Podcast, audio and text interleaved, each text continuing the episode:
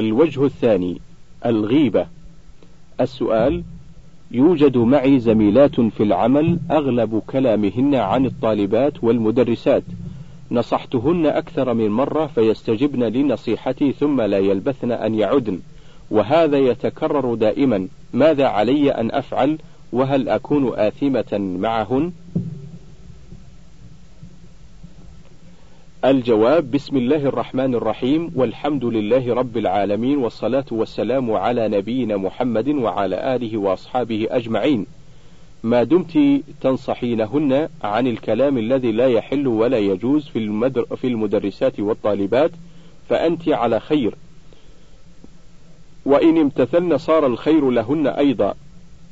وإن لم يمتثلن فأنت على خير وهن اللائي أسأن وأذنبن.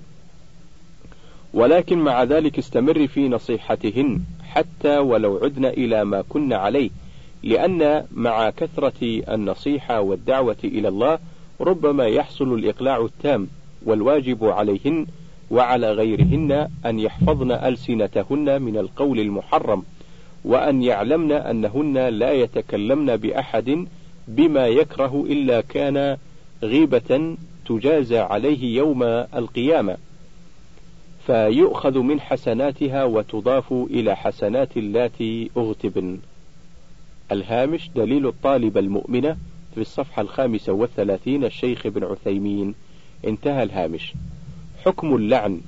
السؤال امرأة عادتها تلعن وتسب أولادها وتؤذيهم تارة بالقول وتارة بالضرب على كل صغيرة وكبيرة. وقد نصحتها وقد نصحتها وقد نصحتها العديد من المرات للإقلاع عن هذه العادة فيكون ردها.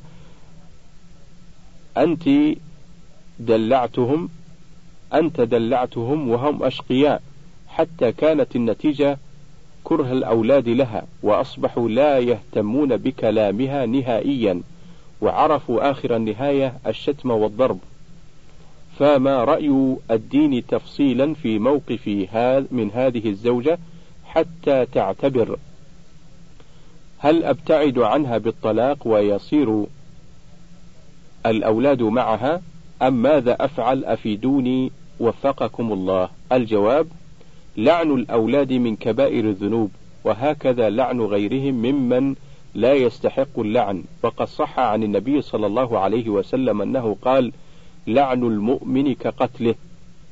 الهامش رواه البخاري في الأدب رقم ستة آلاف ومائة وخمسة ومسلم في الإيمان رقم مائة وعشرة. انتهى الهامش. وقال صلى الله عليه وسلم سباب المسلم فسوق وقتاله كفر. الهامش رواه البخاري في الإيمان رقم 48 ومسلم في الإيمان رقم 64 انتهى الهامش. وقال صلى الله عليه وسلم إن اللعانين لا يكونون شهداء ولا شفعاء يوم القيامة.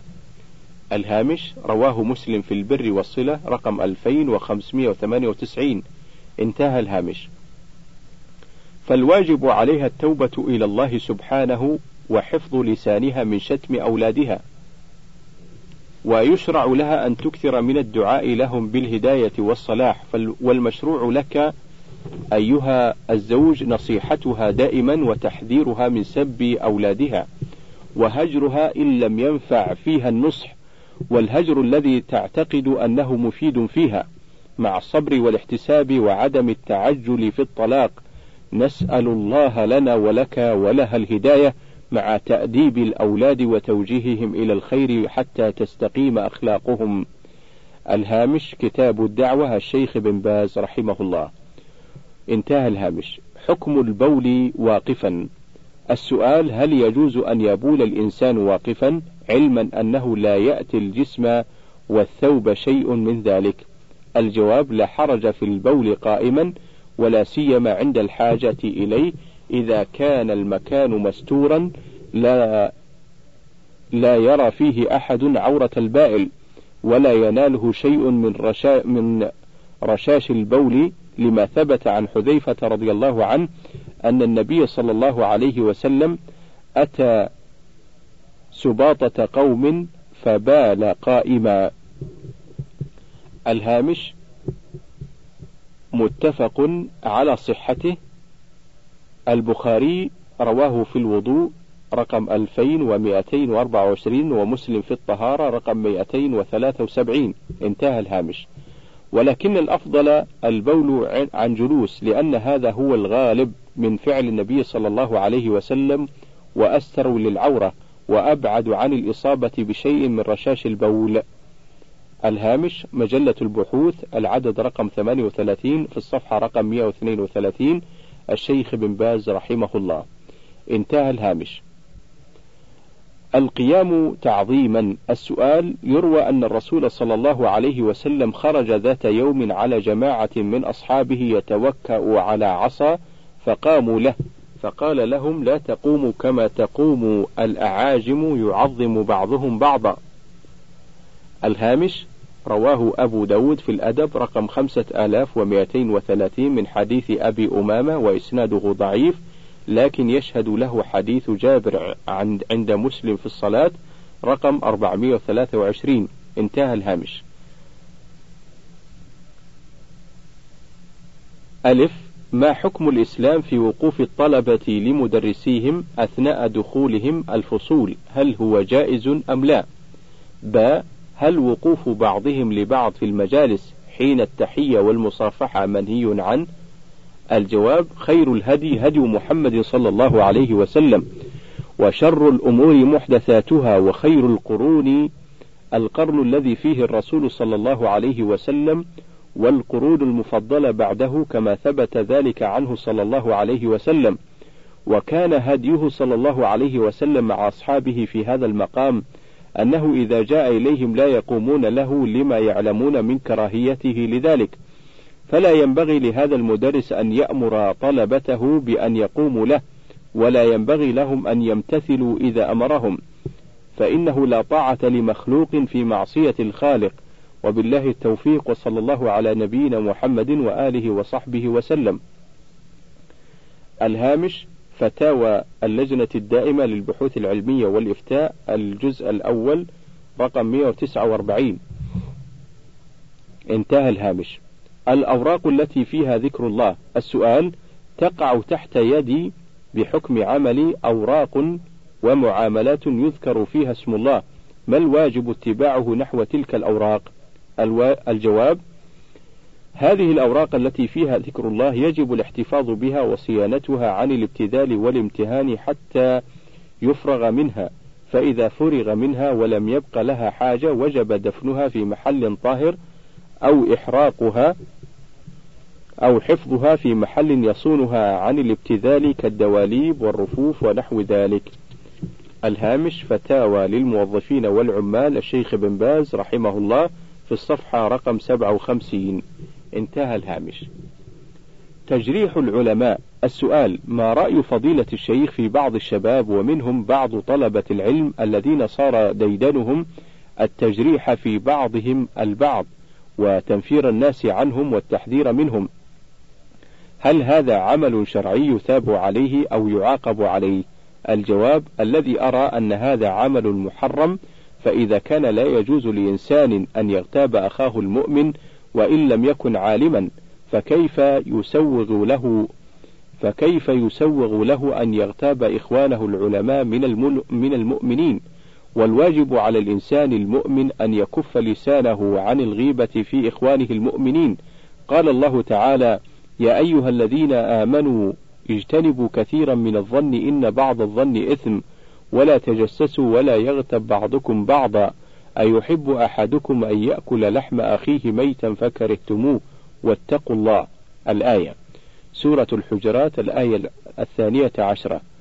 وليعلم هذا الذي ابتلي بهذه البلوى أنه إذا جرح العالم فسيكون سببا في رد ما يقوله هذا العالم من الحق.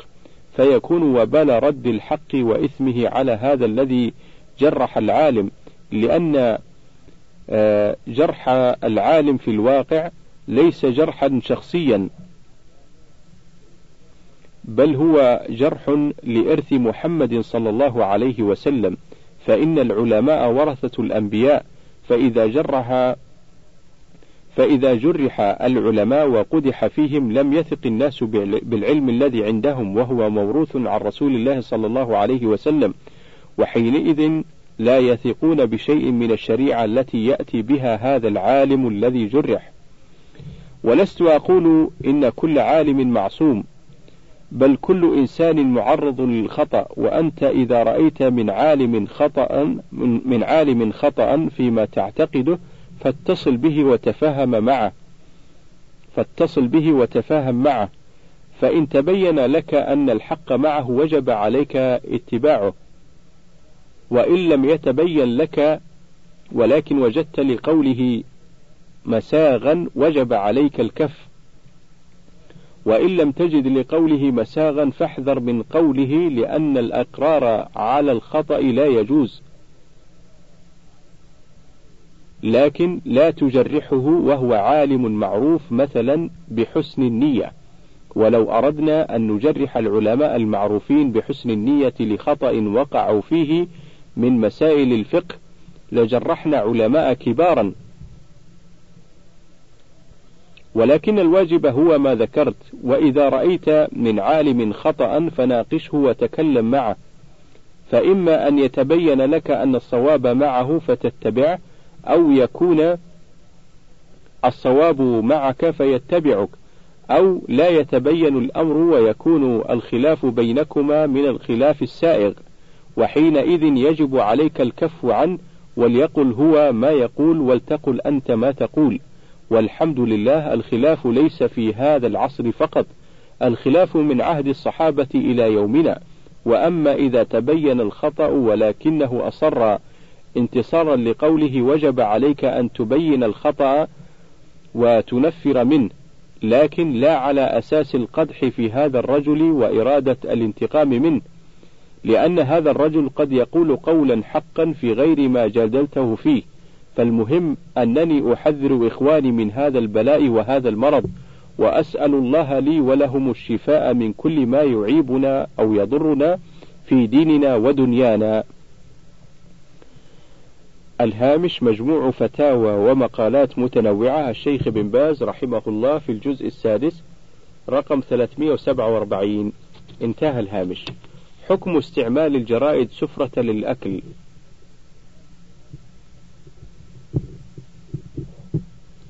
الهامش مجموع فتاوى ومقالات متنوعة الشيخ بن باز. الجزء السادس رقم 347 والكلام المتقدم كان من كتاب الدعوة رقم خمسة للشيخ بن عثيمين. في الجزء الثاني رقم 62 و 64 انتهى الهامش.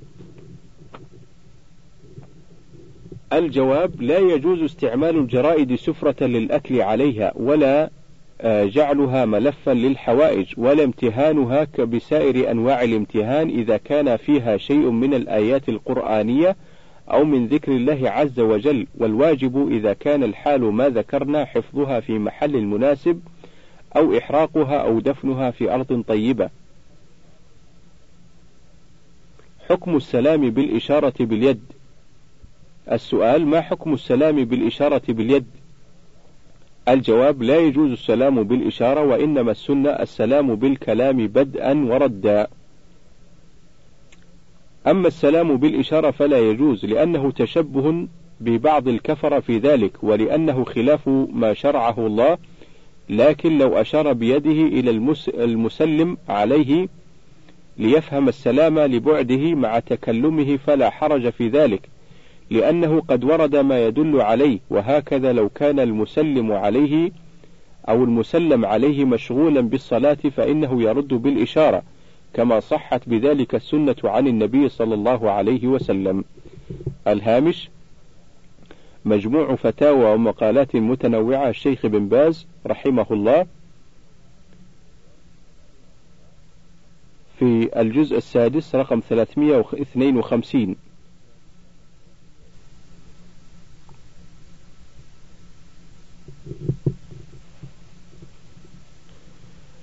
رواه أبو داود أيضا في الصلاة رقم 925 و 927 والترمذي في الصلاة رقم 367 و 368 انتهى الهامش. حكم قيام الطالبات للمدرسة. السؤال ما حكم قيام الطالبات للمدرسة احتراما لها؟ الهامش فتاوى للمدرسين والطلاب. الشيخ بن باز رحمه الله في الصفحة رقم 334 انتهى الهامش. الجواب إن قيام البنات للمدرسة والبنين للمدرس أمر لا ينبغي وأقل ما فيه الكراهة الشديدة لقول أنس رضي الله عنه لم يكن أحد أحب إليه لم يكن أحد أحب إليهم يعني الصحابة رضي الله عنهم من رسول الله صلى الله عليه وسلم ولم يكونوا يقومون له إذا دخل عليهم لما يعلمون من كراهته لذلك. وقول النبي صلى الله عليه وسلم من أحب أن يتمثل له الرجال قياما فليتبوأ مقعده من النار الهامش رواه أبو داود في الأدب رقم خمسة آلاف ومائتين وتسعة وعشرين والترمذي في الأدب رقم ألفين وسبعمائة وخمسة وخمسين. انتهى الهامش. وحكم النساء حكم الرجال في هذا الأمر. وفق الله الجميع لما يرضيه وجنبنا جميعا مساخطه ومناهيه ومنح الجميع العلم النافع والعمل به. إنه جواد كريم. حكم ضرب الطالبات.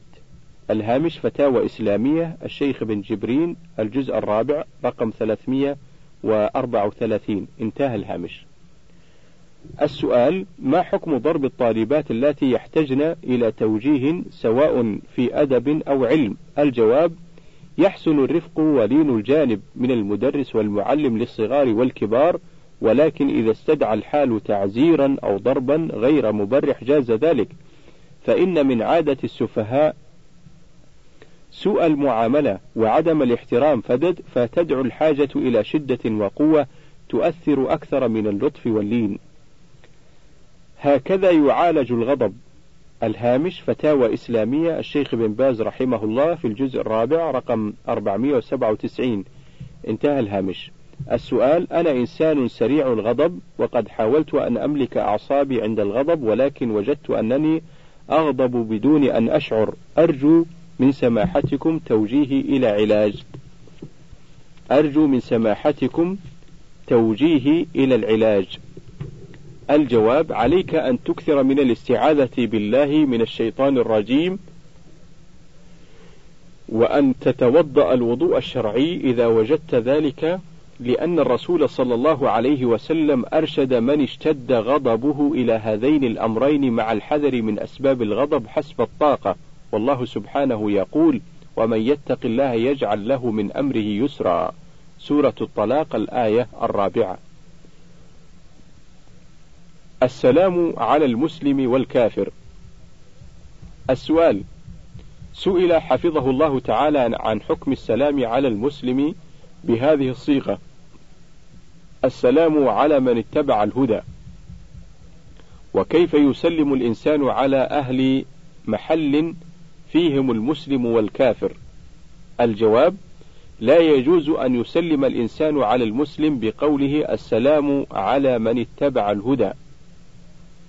لأن هذه الصيغة إنما قالها الرسول صلى الله عليه وسلم حين كتب إلى غير المسلمين وأخوك المسلم قل له السلام عليكم أما أن تقول السلام على من اتبع الهدى فمقتضى هذا أن أخاك هذا ليس ممن اتبع الهدى. وإذا كانوا مسلمين ونصارى فإنه يسلم عليهم بالسلام المعتاد يقول السلام عليكم يقصد بذلك المسلمين.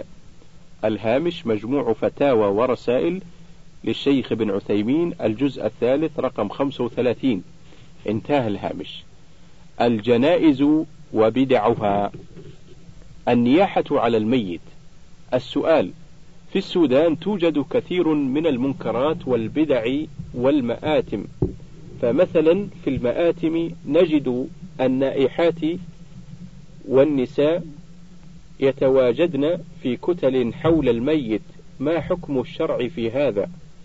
الجواب الذي أعلمه من الشرع أن النبي صلى الله عليه وسلم لعن النائحة والنائحة هي التي تبكي على الميت برنة تشبه نوح الحمام وإنما لعنها النبي صلى الله عليه وسلم لما يترتب على النوح من تعاظم المصيبة وشدة الندم وإلقاء الشيطان في قلوب النساء ما يلقيه من التسخط على قدر الله عز وجل وقضائه. وهذه الاجتماعات التي تكون بعد موت الميت يكون, يكون فيها الندب والنياحة كلها اجتماعات محرمة اجتماعات على كبائر الذنوب. فالواجب على المسلمين الرضا بقضاء الله وقدره وإذا أصيب الإنسان بمصيبة فليقل إنا لله وإنا إليه راجعون. اللهم أجرني في مصيبتي وأخلف لي خيرا منها. فإن الإنسان إذا قال ذلك بصدق نية وتصديق لرسول الله صلى الله عليه وسلم فإن الله سبحانه وتعالى يخلف عليه خيرا من مصيبته وبأجر ويأجره عليها. ولقد جرى ذلك لأم المؤمنين أم سلمة رضي الله عنها حين مات زوجها أبو سلمة فقالت رضي الله عنها مؤمنة مصدقة بكلام النبي صلى الله عليه وسلم. قالت هذا القول اللهم أجرني في مصيبتي واخلف لي وأخلف لي خيرا منها. الهامش رواه مسلم في الجنائز رقم 918 انتهى الهامش. فماذا كان؟ أخلف الله لها خيرا منها. فإنها حين انقضت عدتها تزوجها رسول الله صلى الله عليه وسلم. فكان النبي صلى الله عليه وسلم خيرا لها من أبي سلمة والأجر عند الله سبحانه وتعالى. فوظيفة الإنسان عند المصائب الصبر والتحمل واحتساب الأجر من الله سبحانه وتعالى.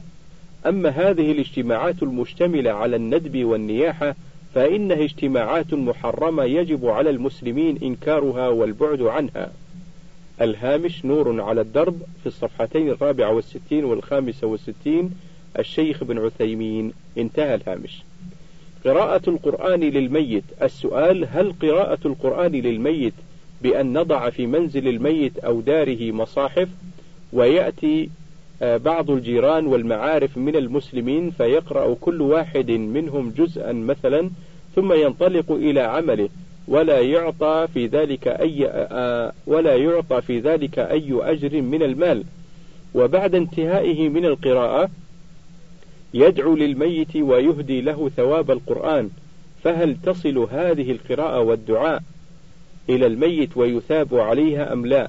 أرجو الإفادة وشكرا لكم. علما بأني سمعت بعض العلماء يقول بالحرمة مطلقا والبعض بالكراهة والبعض بالجواز.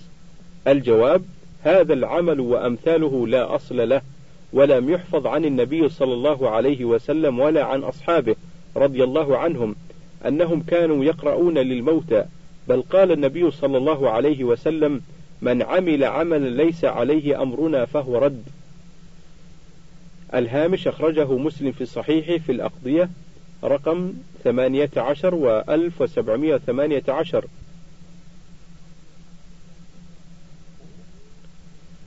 وعلقه البخاري في الصحيح جازما به. انتهى الهامش.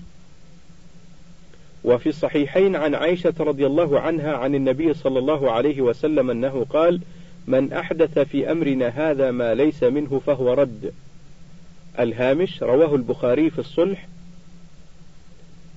رقم 2697 ومسلم في الأقضية رقم 1718 انتهى الهامش. وفي صحيح مسلم عن جابر رضي الله عنه أن النبي صلى الله عليه وسلم كان يقول في خطبته يوم الجمعة أما بعد فإن خير الحديث كتاب الله وخير الهدي هدي محمد صلى الله عليه وسلم وشر الأمور محدثاتها وكل بدعة ضلالة. زاد النسائي بإسناد صحيح وكل ضلالة في النار. الهامش رواه مسلم في الجمعة رقم 867 والنسائي في العيدين في الجزء الثالث رقم 188 و 189 انتهى الهامش. أما الصدقة للموتى والدعاء لهم فهو ينفعهم ويصل إليهم بإجماع المسلمين وبالله التوفيق والله المستعان. الهامش كتاب الدعوة الشيخ بن باز رحمه الله. انتهى الهامش. استئجار قارئ للميت. وسئل الشيخ عن حكم استئجار قارئ ليقرأ القرآن الكريم على روح الميت فأجاب بقول هذا من البدع وليس فيه أجر لا للقارئ ولا للميت ذلك لأن القارئ إنما قرأ للدنيا فقط للمال. وكل عمل صالح يقصد به الدنيا فإنه لا يقرب فإنه لا يقرب إلى الله ولا يكون فيه ثواب عند الله. وعلى هذا فيكون هذا العمل يعني استئجار شخص ليقرأ القرآن الكريم على روح الميت يكون هذا العمل ضائعا ليس آه، ليس فيه سوى إتلاف المال على الورثة. فليحذر منه فإنه فليحذر منه فإنه بدعة ومنكر. الهامش المجموع الثمين الجزء الأول للشيخ ابن عثيمين. انتهى الهامش. دفن الموتى في المساجد وسئل الشيخ حفظه الله تعالى عن حكم دفن الموتى في المساجد. الهامش مجموع فتاوى ورسائل الشيخ ابن عثيمين الجزء الثاني في الصفحة رقم 234 انتهى الهامش. فأجاب قائلا الدفن في المساجد نهى عنه النبي صلى الله عليه وسلم ونهى عن اتخاذ المساجد على القبور. ولعن من اتخذ ذلك وهو في سياق الموت يحذر أمته ويذكر صلى الله عليه وسلم أن هذا من فعل اليهود والنصارى ولأن هذا وسيلة إلى الشرك بالله عز وجل في أصحاب هذه القبور. فيعتقد الناس أن أصحاب هذه القبور المدفونين في المساجد ينفعون أو يضرون أو أن لهم خاصية تستوجب أن يتقرب أن يتقرب إليهم بالطاعات من دون الله سبحانه وتعالى فيجب على المسلمين أن يحذروا من هذه الظاهرة الخطيرة وأن تكون المساجد خالية من القبور مؤسسة على التوحيد والعقيدة الصحيحة. قال الله تعالى وأن المساجد لله فلا تدعوا مع الله أحدا فيجب أن تكون المساجد لله سبحانه وتعالى خالية من مظاهر الشرك تؤدى فيها عبادة الله وحده لا شريك له. هذا هو واجب المسلمين والله الموفق. حكم البناء على القبور. الهامش مجموع فتاوى ومقالات متنوعة. الجزء الرابع رقم 329 في الصفحة رقم 329 الشيخ ابن باز رحمه الله. انتهى الهامش. لاحظت عندنا على بعض القبور عمل صبة بالأسمنت بقدر متر طولا في نصف متر عرضا مع كتابة اسم الميت عليها وتاريخ وفاته وبعض الجمل كاللهم ارحم فلان ابن فلان وهكذا. فما حكم مثل هذا العمل؟ الجواب لا يجوز البناء على القبور لا بصبة ولا بغيرها ولا تجوز الكتابة عليها لما ثبت عن النبي صلى الله عليه وسلم من النهي عن البناء عليها والكتابة عليها. فقد روى مسلم رحمه الله من حديث جابر رضي الله عنه قال نهى رسول الله صلى الله عليه وسلم أن يجصص القبر وأن يقعد عليه وأن يبنى عليه. الهامش رواه مسلم في الجنائز رقم 970 وخرجه الترمذي في الجنائز رقم 1052 وغيره بإسناد صحيح وزاد وأن يكتب عليه. انتهى الهامش. ولأن ذلك نوع من أنواع الغلو فوجب منعه ولأن الكتابة ربما أفضت إلى عواقب وقيمة من الغلو وغيره من المحظورات الشرعية. وإنما يعاد تراب القبر عليه ويرفع قدر شبر تقريبا حتى يعرف أنه قبر. هذا هو السنة في القبور التي درج عليها رسول الله صلى الله عليه وسلم وأصحابه رضي الله عنهم. ولا يجوز اتخاذ المساجد عليها ولا كسوتها. ولا وضع القباب عليها لقول النبي صلى الله عليه وسلم لعن الله اليهود والنصارى اتخذوا قبور أنبيائهم مساجد.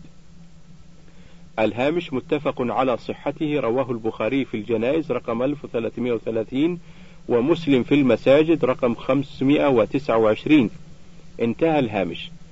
ولما روى مسلم في صحيحه عن جندب ولما روى مسلم في صحيحه عن جندب عن جندب ابن عبد الله البجلي قال سمعت رسول الله صلى الله عليه وسلم قبل أن يموت بخمس يقول إن الله قد اتخذني خليلا كما اتخذ إبراهيم خليلا ولو كنت متخذا من أمتي خليلا لاتخذت أبا بكر خليلا. ألا وإن من كان قبلكم كانوا يتخذون قبور أنبيائهم وصالحيهم مساجد ألا فلا تتخذوا القبور مساجدا فإني أنهاكم عن ذلك. الهامش رواه مسلم في المساجد رقم 532 انتهى الهامش. ولأحاديث في هذا المعنى كثيرة ونسأل الله أن يوفق المسلمين للتمسك بسنة نبيهم عليه الصلاة والسلام والثبات عليها والحذر مما يخالفها. إنه سميع قريب والسلام عليكم ورحمة الله وبركاته. الهامش مجموع فتاوى ومقالات متنوعة.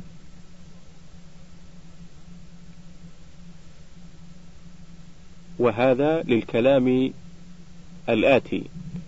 حكم الكتابة على القبور. الهامش مجموع فتاوى ومقالات متنوعة. الجزء الرابع في الصفحة رقم 337 الشيخ بن باز رحمه الله.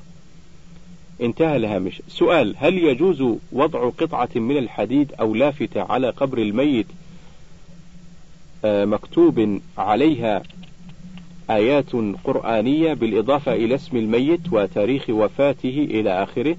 الجواب لا يجوز أن يكتب على قبر الميت لا آيات قرآنية ولا غيرها. لا يجوز أن يكتب على قبر الميت لا آيات قرآنية ولا غيرها لا في حديدة ولا في لوح ولا في غيرهما لما ثبت عن النبي صلى الله عليه وسلم من حديث جابر آه، جابر رضي الله عنه أن أنه صلى الله عليه وسلم نهى أن يجصص القبر وأن يقعد عليه وأن يبنى عليه. الهامش رواه مسلم في الجنائز رقم 970 انتهى الهامش. رواه الإمام مسلم في صحيحه وزاد الترمذي والنسائي بإسناد صحيح وأن يكتب عليه. الهامش رواه الترمذي في الجنائز رقم 1052 انتهى الهامش. حكم لطم الخدود وشق الجيوب عند المصيبة. الهامش فتاوى المرأة في الصفحة رقم أربعين وواحد وأربعين الشيخ بن باز رحمه الله. انتهى الهامش. السؤال ما حكم الشرع في النساء اللاتي يلطمن خدودهن عند حدوث حالات الوفاة؟ الجواب لطم الخدود وشق الجيوب والنياحة عند المصيبة كل ذلك محرم لا يجوز لقول النبي صلى الله عليه وسلم ليس منا من ضرب الخدود وشق الجيوب ودعا بدعوى الجاهلية.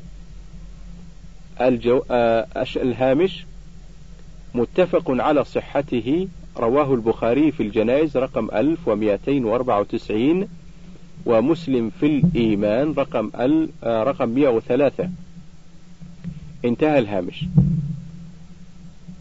وقوله صلى الله عليه وسلم أنا بريء من الصالقة والحالقة والشاقة. الهامش متفق على صحته رواه البخاري في الجنائز رقم 1296 ومسلم في الإيمان رقم 104 انتهى الهامش. والصالقة هي التي ترفع صوتها عند المصيبة والحالقة التي تحلق شعرها عند المصيبة والشاقة هي التي تشق ثوبها. وقال صلى الله عليه وسلم أربع في أمتي من أمر الجاهلية لا يتركونهن. الفخر بالأحساب والطعن في الأنساب والاستسقاء بالنجوم والنياحة على الميت. الهامش رواه مسلم في الجنائز رقم 934 انتهى الهامش. وقال النائحة إذا لم تتب قبل موتها تقام يوم القيامة وعليها سربال من قطران ودرع من جرب. الهامش رواه مسلم في صحيحه في الجنائز رقم 934 انتهى الهامش. فالواجب عند المصيبة الصبر والاحتساب والحذر من هذه الأمور المنكرة والتوبة إلى الله مما سلف من ذلك. لقول الله سبحانه وبشر الصابرين الذين إذا أصابتهم مصيبة قالوا إنا لله وإنا إليه راجعون. سورة البقرة الآيتان الخامسة والخمسون والسادسة والخمسون بعد المئة. وقد وعدهم الله خيرا كثيرا فقال أولئك عليهم صلوات من ربهم ورحمة وأولئك هم المهتدون. سورة البقرة الآية السابعة والخمسون بعد المئة. حكم إقامة مراسيم آه، حكم إقامة مراسم العزاء. السؤال تقام مراسم العزاء يتجمع الناس عند بيت المتوفى خارج المنزل توضع بعض المصابيح الكهربائية تشبه تلك التي في الأفراح ويصطف أهل الميت ويمر الذين يريدون تعزيتهم يمرون عليهم واحدا بعد الآخر ويضع كل منهم يده على صدره كل فرد من أهل على صدر كل فرد من أهل المتوفى ويقول له أعظم الله أجرك. فهل هذا الاجتماع وهذا الفعل مطابق للسنة؟ وإذا لم يوافق السنة فما هي السنة في ذلك؟ أفيدونا؟ جزاكم الله خيرا. الجواب هذا العمل ليس مطابقا للسنة ولا نعلم له أصلا في الشرع المطهر. وإنما السنة التعزية لأهل المصاب من غير كيفية معينة ولا اجتماع معين كهذا الاجتماع وإنما يشرع لكل مسلم أن يعزي أخاه بعد خروج الروح في البيت أو في الطريق أو في المسجد أو في القبر سواء كانت التعزية قبل الصلاة أو بعدها. وإذا قابله شرع له مصافحته والدعاء له بالدعاء المناسب مثل أعظم الله أجرك وأحسن عزاءك وجبر مصيبتك. وإذا كان الميت مسلما دعا له بالمغفرة والرحمة وهكذا النساء فيما بينهن يعزي بعضهن بعضا ويعزي الرجل المرأة والمرأة الرجل. لكن من دون خلوة ولا مصافحة إذا كانت المرأة ليست محرما له. وفق الله المسلمين جميعا للفقه في دينه والثبات عليه إنه خير مسؤول. الهامش مجموع فتاوى ومقالات متنوعة في الجزء الخامس في الصفحة الرقم 345 الشيخ بن باز رحمه الله. انتهى الهامش. حكم زيارة النساء للقبور. السؤال هل تشرع زيارة القبور للنساء؟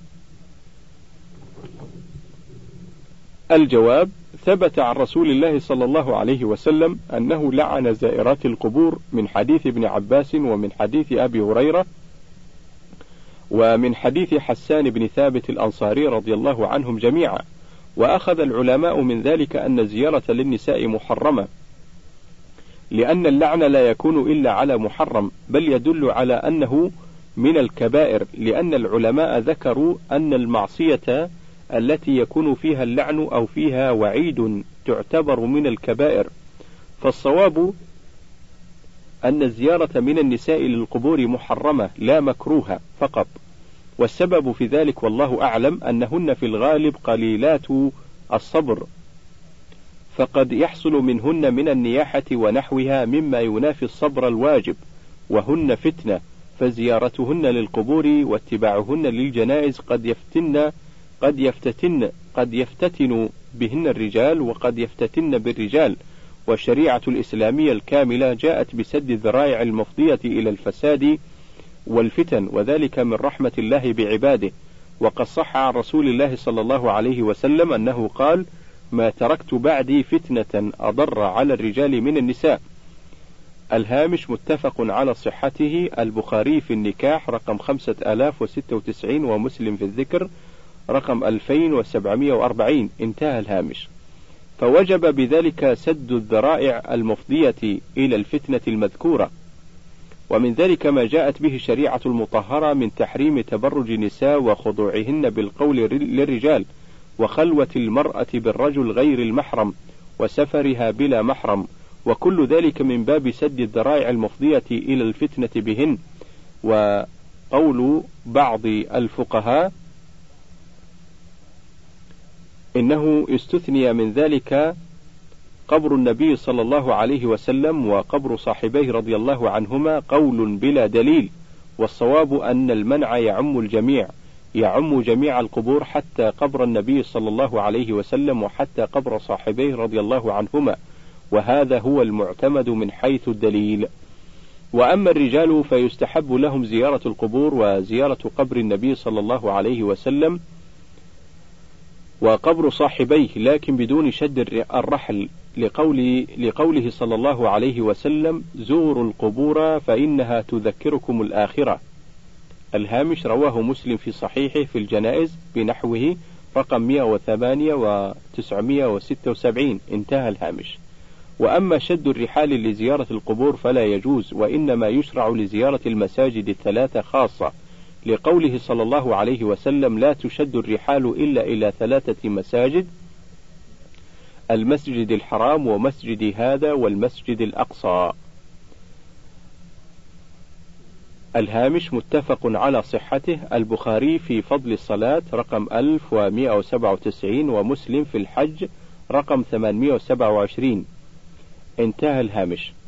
وإذا زار المسلم مسجد النبي صلى الله عليه وسلم دخل في ذلك على سبيل التبعية آه، زيارة قبره صلى الله عليه وسلم وقبر صاحبه وقبر صاحبيه وقبور الشهداء وأهل البقيع وزيارة مسجد قباء من دون شد الرحل فلا يسافر لأجل الزيارة. فلا يسافر لأجل الزيارة ولكن إذا كان في المدينة شرع له زيارة قبر النبي صلى الله عليه وسلم وقبر صاحبي وزيارة البقيع والشهداء ومسجد قباء. أما شد الرحال من بعيد لأجل الزيارة فقط فهذا لا يجوز على الصحيح من قولي العلماء لقول النبي صلى الله عليه وسلم لا تشد الرحال إلا إلى ثلاثة مساجد المسجد الحرام ومسجد هذا والمسجد الأقصى. أما إذا شد الرحل إلى المسجد النبوي فإن الزيارة للقبر الشريف والقبور الأخرى تكون تبعا لذلك فإذا وصل المسجد صلى فيه ما تيسر ثم زار قبر النبي صلى الله عليه وسلم وزار قبر صاحبيه وصلى وسلم عليه عليه الصلاة والسلام ودعا له ثم سلم على الصديق رضي الله عنه ودعا له ثم على الفاروق ودعا له وهكذا السنة. وهكذا القبور الأخرى لو زار مثلا دمشق أو القاهرة أو الرياض أو أي بلد يستحب له زيارة القبور لما فيها من العظة والذكرى والإحسان إلى الموتى بالدعاء لهم والترحم عليهم إذا كانوا مسلمين. فالنبي عليه السلام قال زوروا القبور فإنها تذكركم الآخرة. الهامش رواه مسلم بنحوه في الجنائز رقم 108 و 976 انتهى الهامش. وكان يعلم أصحابه إذا زاروا القبور أن يقولوا السلام عليكم أهل الديار من المؤمنين والمسلمين وإنا إن شاء الله بكم لاحقون. نسأل الله لنا ولكم العافية. يرحم الله المستقدمين منا ومنكم والمستأخرين. الهامش رواه مسلم في الجنائز رقم 974 و 975 انتهى الهامش. وبهذا ينتهي الشريط العشرون وننتقل إلى الشريط الواحد والعشرين.